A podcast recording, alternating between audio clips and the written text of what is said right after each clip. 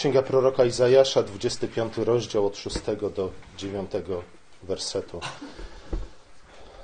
W zasadzie powinniśmy przeczytać y, wcześniejsze wersety, przynajmniej od początku 25 rozdziału Księgi Izajasza, po to, żebyśmy lepiej zrozumieli, o czym prorok mówi w, tych, w tym fragmencie. 25 rozdział Księgi Izajasza rozpoczyna się stwierdzeniem, że miasto warowne, nazwane zamkiem ludzi pysznych, zostało zburzone i nigdy nie będzie odbudowane. Jest to Ewangelia, którą prorok głosi narodowi Bożemu. To miasto było miastem, które uciskało biednych i słabych, i dlatego też ruina tego miasta jest powodem do świętowania. Nie tak jak ruina każdej mocy, która niszczy nasze normalne, codzienne życie, jest powodem do świętowania. Pamiętamy, że pierwszym miastem, o którym czytamy w Piśmie Świętym, jest miasto Enoch, miasto zbudowane przez Kaina. Kaina, który był mordercą swojego pobożnego brata, człowieka, który. Kain był człowiekiem, który zabił swojego brata, właśnie dlatego, że brat Abel był człowiekiem pobożnym. Później w tym mieście panował Lamech, czy też Lamek, który szczycił się tym, że zabije każdego, kto zrobi mu siniak. Dzięki rozwiązaniom technicznym, ale też dzięki swojej bezwzględności i braku jakiegokolwiek miłosierdzia, potomkowie Elkaina rośli w siłę i w końcu zdominowali cały świat. Wiemy, jak ta historia się skończyła i na pewno nikt z nas tak naprawdę nie chciałby mieszkać w takim, w takim mieście, ani w takiej cywilizacji. Od tej pory miasto funkcjonuje w Piśmie Świętym. Powinniśmy powiedzieć raczej miasto zbudowane przez człowieka. Funkcjonuje w Piśmie Świętym jako symbol cywilizacji, czy też kultury opartej na buncie wobec Boga. Z drugiej strony, oczywiście, mamy inne miasto, miasto Boże, miasto zbudowane przez Boga, które jest symbolem Królestwa Bożego. Tu w 25 rozdziale Księgi Izajasza czytamy o tym pierwszym mieście, o mieście bezbożnym, o mieście człowieka, o mieście, które w wyniku interwencji Bożej zamieniło się w miasto chaosu, jak mówi prorok. Miasto chaosu w pewnym sensie od samego początku było to miasto chaosu, bo trudno nazwać jest na przykład miasto zbudowane przez Kaina miastem, w którym panuje porządek. Tak, jest tam pewien porządek, ale brakuje tego najważniejszego porządku. Brakuje pokoju z Bogiem i dlatego też brakuje pokoju między bliźnimi. Ale Bóg przychodzi i niszczy to miasto i zamienia to miasto w miasto chaosu. Miasto, które było miastem chaosu w sposób w wymiarze duchownym, duchowym moglibyśmy powiedzieć, staje się miastem chaosu także w bardzo fizycznym, materialnym wymiarze. Ciekawe jest to, że, że to miasto, które w naszych Bibliach jest przetłumaczone jako chaos, pojawia się już w drugim wersecie Pisma Świętego. Tam czytamy, że ziemia, po tym jak Bóg stworzył niebo i ziemię, ziemia była bezładem i pustkowym. Niektóre tłumaczenia mówią o tym, że ziemia była w stanie chaosu. W tym mieście, w mieście chaosu, w mieście zbudowanym przez człowieka, radość zamieniła się w żałobę, strumienie wina stały się wyschniętymi korytami. Chwała, chwała i potęga, które były oparte na bezprawiu i przemocy, zamieniły się w hańbę. Ci, którzy szczycili się swoim miastem, zostali pohańbieni. I to jest ta pierwsza część dobrej nowiny, którą głosi prorok ludowi Bożemu. Jednak nie jest to koniec Bożej nowiny. Bóg nigdy nie poprzestaje na zniszczeniu złego. Bóg, kiedy ratuje swój lud, nigdy nie zatrzymuje się na pokonaniu wroga i nie pozostawia swoich wybranych w pustce powstałej po zakończeniu wojny. Podobnie jak po stworzeniu świata. Bóg nie, nie pozostawił ziemi w jej pierwotnym kształcie czy też raczej bezkształcie, w jej pierwotnym stanie, w stanie pustki, w stanie ciemności, w stanie bezkształtności. Bóg odmienia los wiernych i obdarza ich tym, czym do tej pory cieszyli się Jego ciemiężcy. Bóg zabiera, nie tylko zabiera tym, którzy są bezwzględni, bezbożni i, i dzięki temu panują nad ludźmi, którzy są po, pobożni, nie tylko zabiera im ich tłuste mięsa, nie tylko zabiera im ich wyborne wina, nie tylko zabiera im ich miasto i władzę nad nim, ale również daje to wszystko swoim wiernym, swoim wybranym. Mięso i wino, o których do tej pory mogli tylko pomarzyć, czekają przygotowane specjalnie dla nich.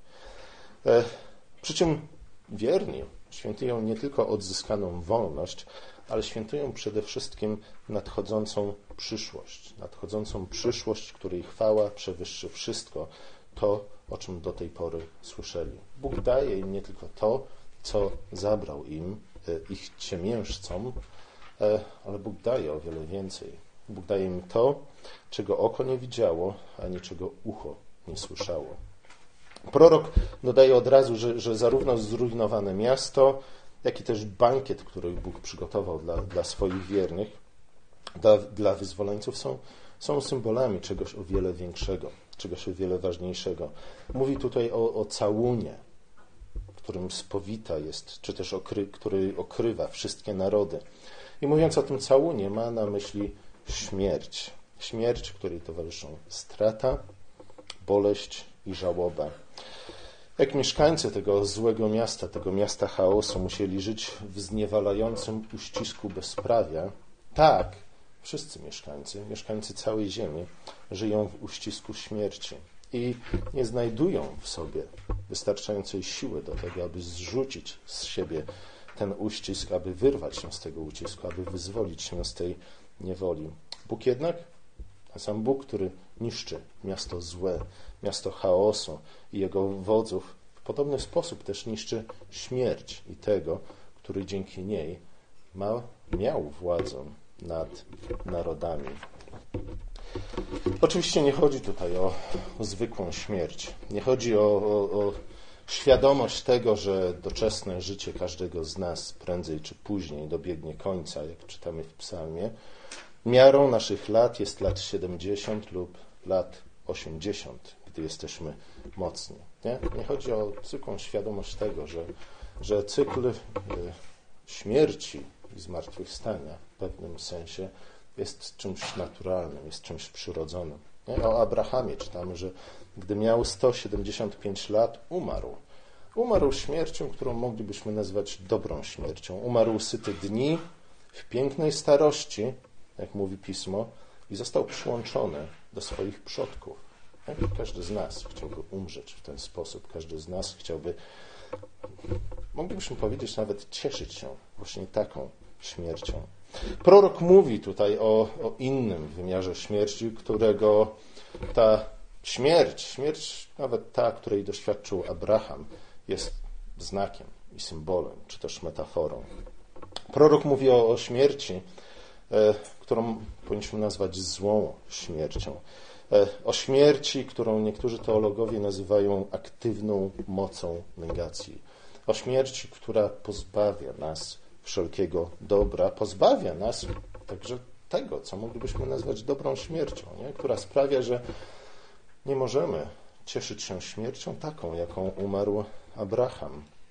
Pismo Święte mówi tutaj o grzechu, nie? ale o grzechu bardzo szeroko rozumianym, o grzechu, który jest nie tylko, choć często bywa, przekroczeniem przykazań Bożych, w wyniku których Bóg zsyła na nas karę, czy też który, który wzbudza gniew Boże.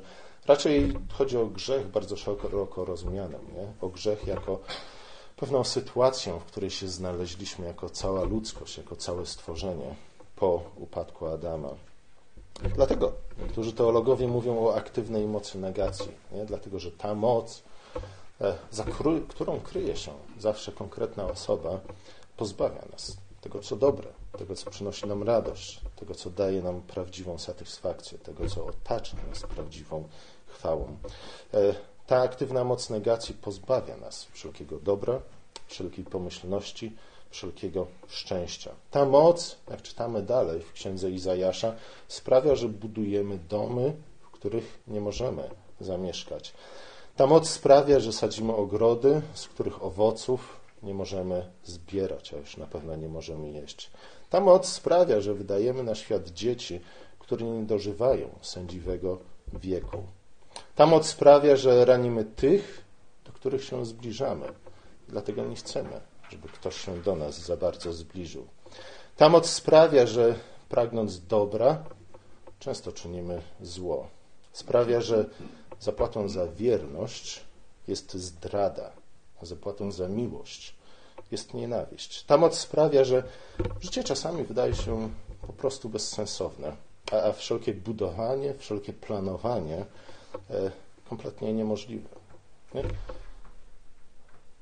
W ten właśnie sposób e, ludzie, którzy nie pokładają wiary i nadziei w Chrystusie i w Jego zmartwychwstaniu, odbierają też tę zwykłą śmierć, nie? tę śmierć, o której mówiliśmy, tą świadomość, że życie doczesne każdego z nas prędzej czy później dobiegnie końca. Nie? Dla ludzi, którzy nie pokładają wiary i ufności w Chrystusie, każda śmierć jawi się dokładnie w ten sposób, jako grzech. Dla Sartra na przykład śmierć jest faktem absurdalnym. Stwierdza, że pozbawia on człowieka wszelkich możliwości sensownego życia i sprawia, że po prostu popadamy w apatię, w bierność. No, nic już się nie chce. W obliczu śmierci wszystko się zawala, wszelka nadzieja staje się po prostu mrzonką. W proroctwie, w proroctwie Izajasza Bóg obiecuje pochłonąć tę właśnie śmierć. Śmierć w ten sposób rozumianą, tę aktywną moc negacji. Dosłownie prorok stwierdza, że Bóg połknie śmierć. Ciekawe jest to, że mamy tutaj obraz uczty, na którą Bóg zaprasza swoich wyzwoleńców, aby, aby cieszyli się wybornym winem, tłustym mięsem. E, Bóg sam zasiada do tego stołu razem ze swoimi wyzwoleńcami. Bóg jednak, inaczej niż oni, nie spożywa tego tłustego mięsa, nie pije tego wybornego wina, ale zjada, pochłania, połyka samą śmierć. I rzeczywiście tak się wydarzyło. Kiedy Chrystus umarł i zmartwychwstał, On pochłonął śmierć. Apostoł Paweł w liście do Koryntian, w dalszej części 15 rozdziału, który dzisiaj czytaliśmy, mówi dokładnie o tym, cytując proroka Izajasza między innymi, mówi śmierć została pochłonięta, została pochłonięta przez życie.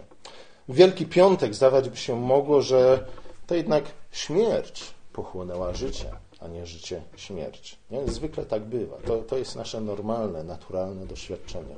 Śmierć pochłania życie. Wielki Piątek zdawać by się mogło, że, e, że śmierć jednak przemogła jednego z trójcy. Tego, w którym wszystko zostało stworzone, tego, w którym wszystko ma swoje istnienie. W Wielki Piątek zdawać by się mogło, że, że nicość jednak usunęła fundament, na którym opiera się nie tylko wszelki porządek etyczny, nie tylko jakikolwiek sens historii, ale wręcz samo istnienie naszego świata. Później przychodzi Wielka Sobota, nie? Ten, ten dzień, w którym tak naprawdę nie wiemy, co z sobą zrobić. Ten dzień, e, który stawia wszelkiego rodzaju znaki zapytania, nie? Które, które zadaje najważniejsze pytania w naszym życiu. Wielka Sobota, w której życie, choć okaleczone, wydaje się jednak nadal toczyć naprzód. Mimo tego, mimo to, co wydarzyło się w Wielki Piątek, mimo śmierci Boga. Nie? Bóg umarł, a my żyjemy dalej. Nie? Co to znaczy dla nas? Co to znaczy dla, dla całego świata? Wielką Sobotę absolutnie jesteśmy zgubieni, kompletnie zgubieni. Nie wiemy, co zrobić. Nie? W jakim świecie żyjemy, jeśli Bóg umarł, a życie toczy się dalej. A jednak Wielkanoc okazało, okazuje się, że, że nie tylko Bóg połknął, pożarł śmierć, e, wchłonął całe zło, cały grzech, cały ból, całe cierpienie tego świata, ale okazuje się w Wielkanoc, że Bóg nie tylko połknął to wszystko, nie tylko pożarł to wszystko, ale także przemógł to wszystko. Luther powiedział, Jedna śmierć zżarła drugą. Chrystus umarł i w ten sposób pokonał śmierć.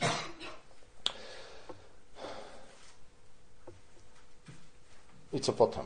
Nie? Co dalej? Co z tego wynika?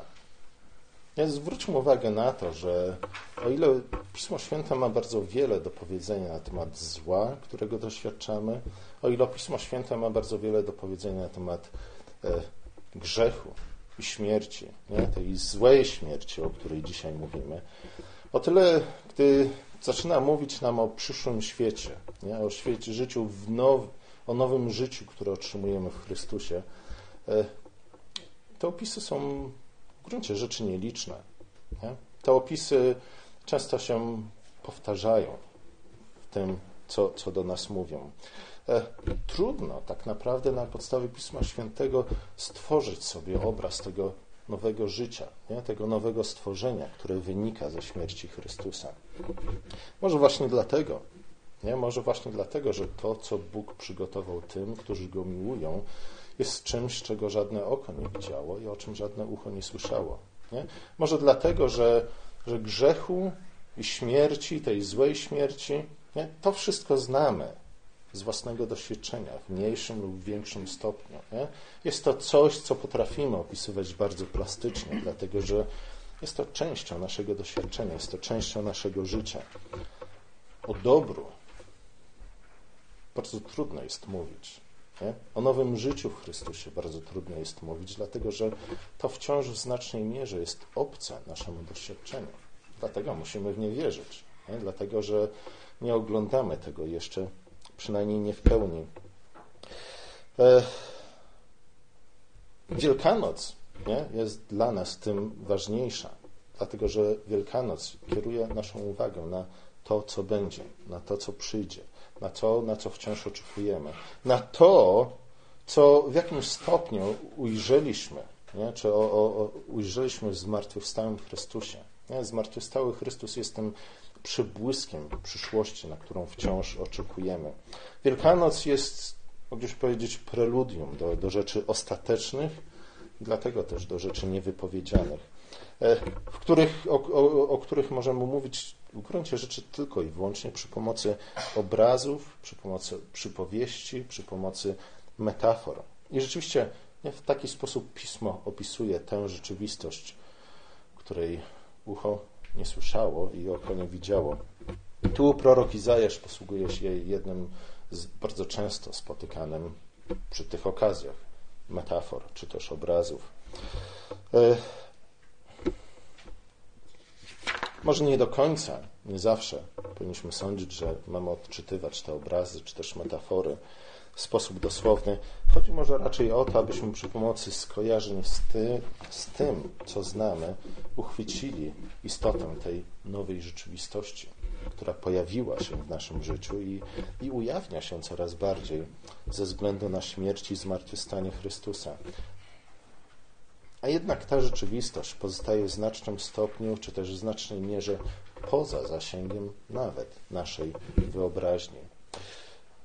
Ta nowa rzeczywistość, kiedy śmierć w znaczeniu tej aktywnej mocy negacji całkowicie zniknie ze świata, będzie zdecydowanie różnić się od naszej rzeczywistości. Będzie czymś nowym, nie? tym nowym, na co wciąż oczekujemy, dostrzegając jego przebłyski zaledwie od czasu do czasu.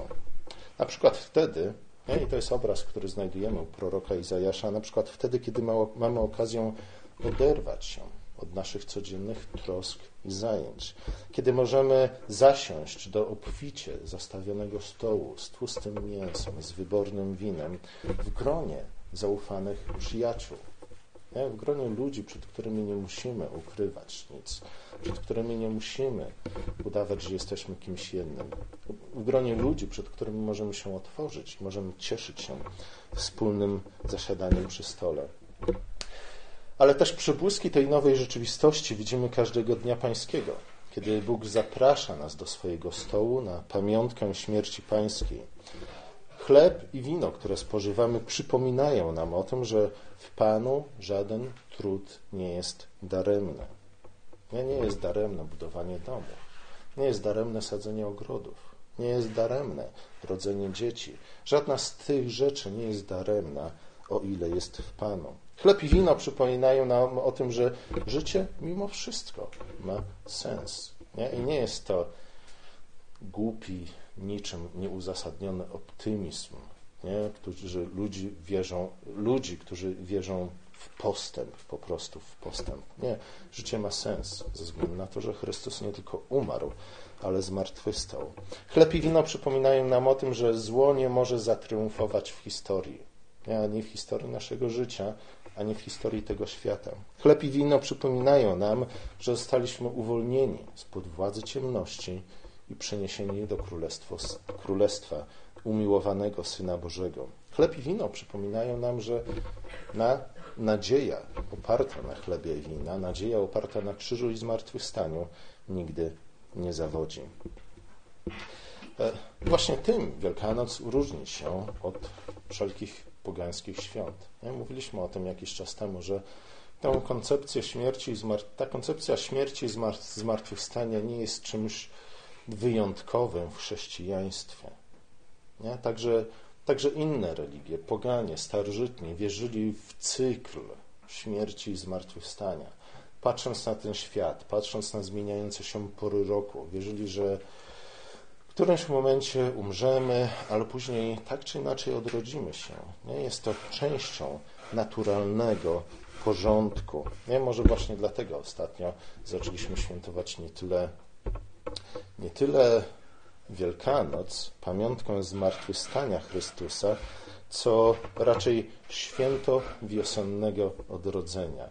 Nie? Nasz wielkopolski głos właśnie w ten sposób zaczął ostatnio mówić o Wielkanocy. Święto wiosennego odrodzenia.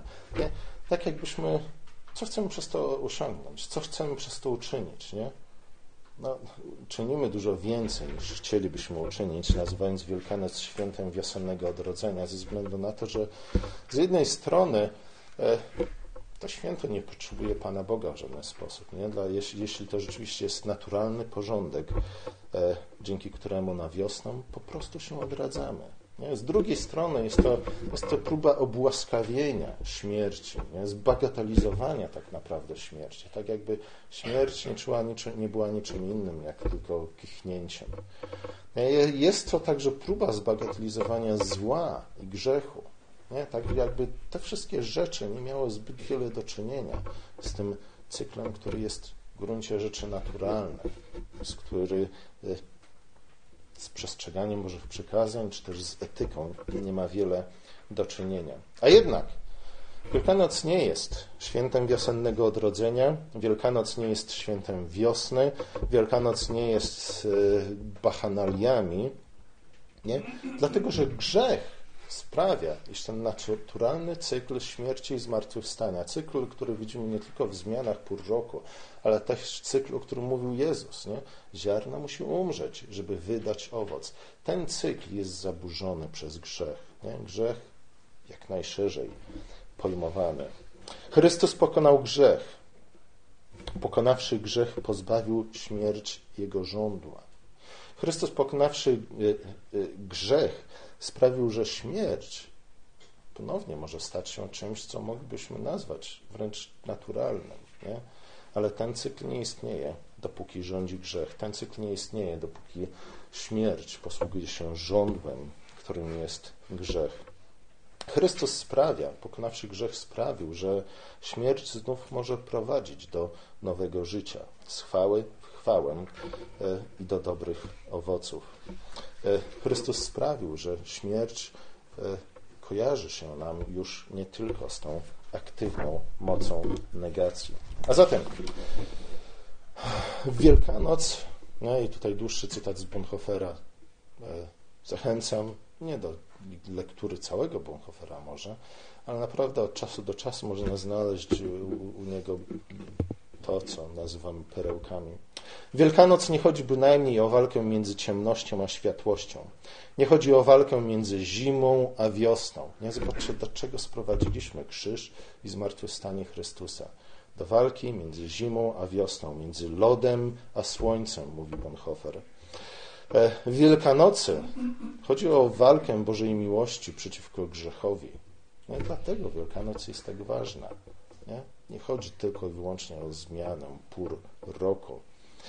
E, w Wielkanocy chodzi o walkę, w której Bóg zdaje się przegrywać w Wielki Piątek i w której akurat przez to, że uległ, zwyciężył.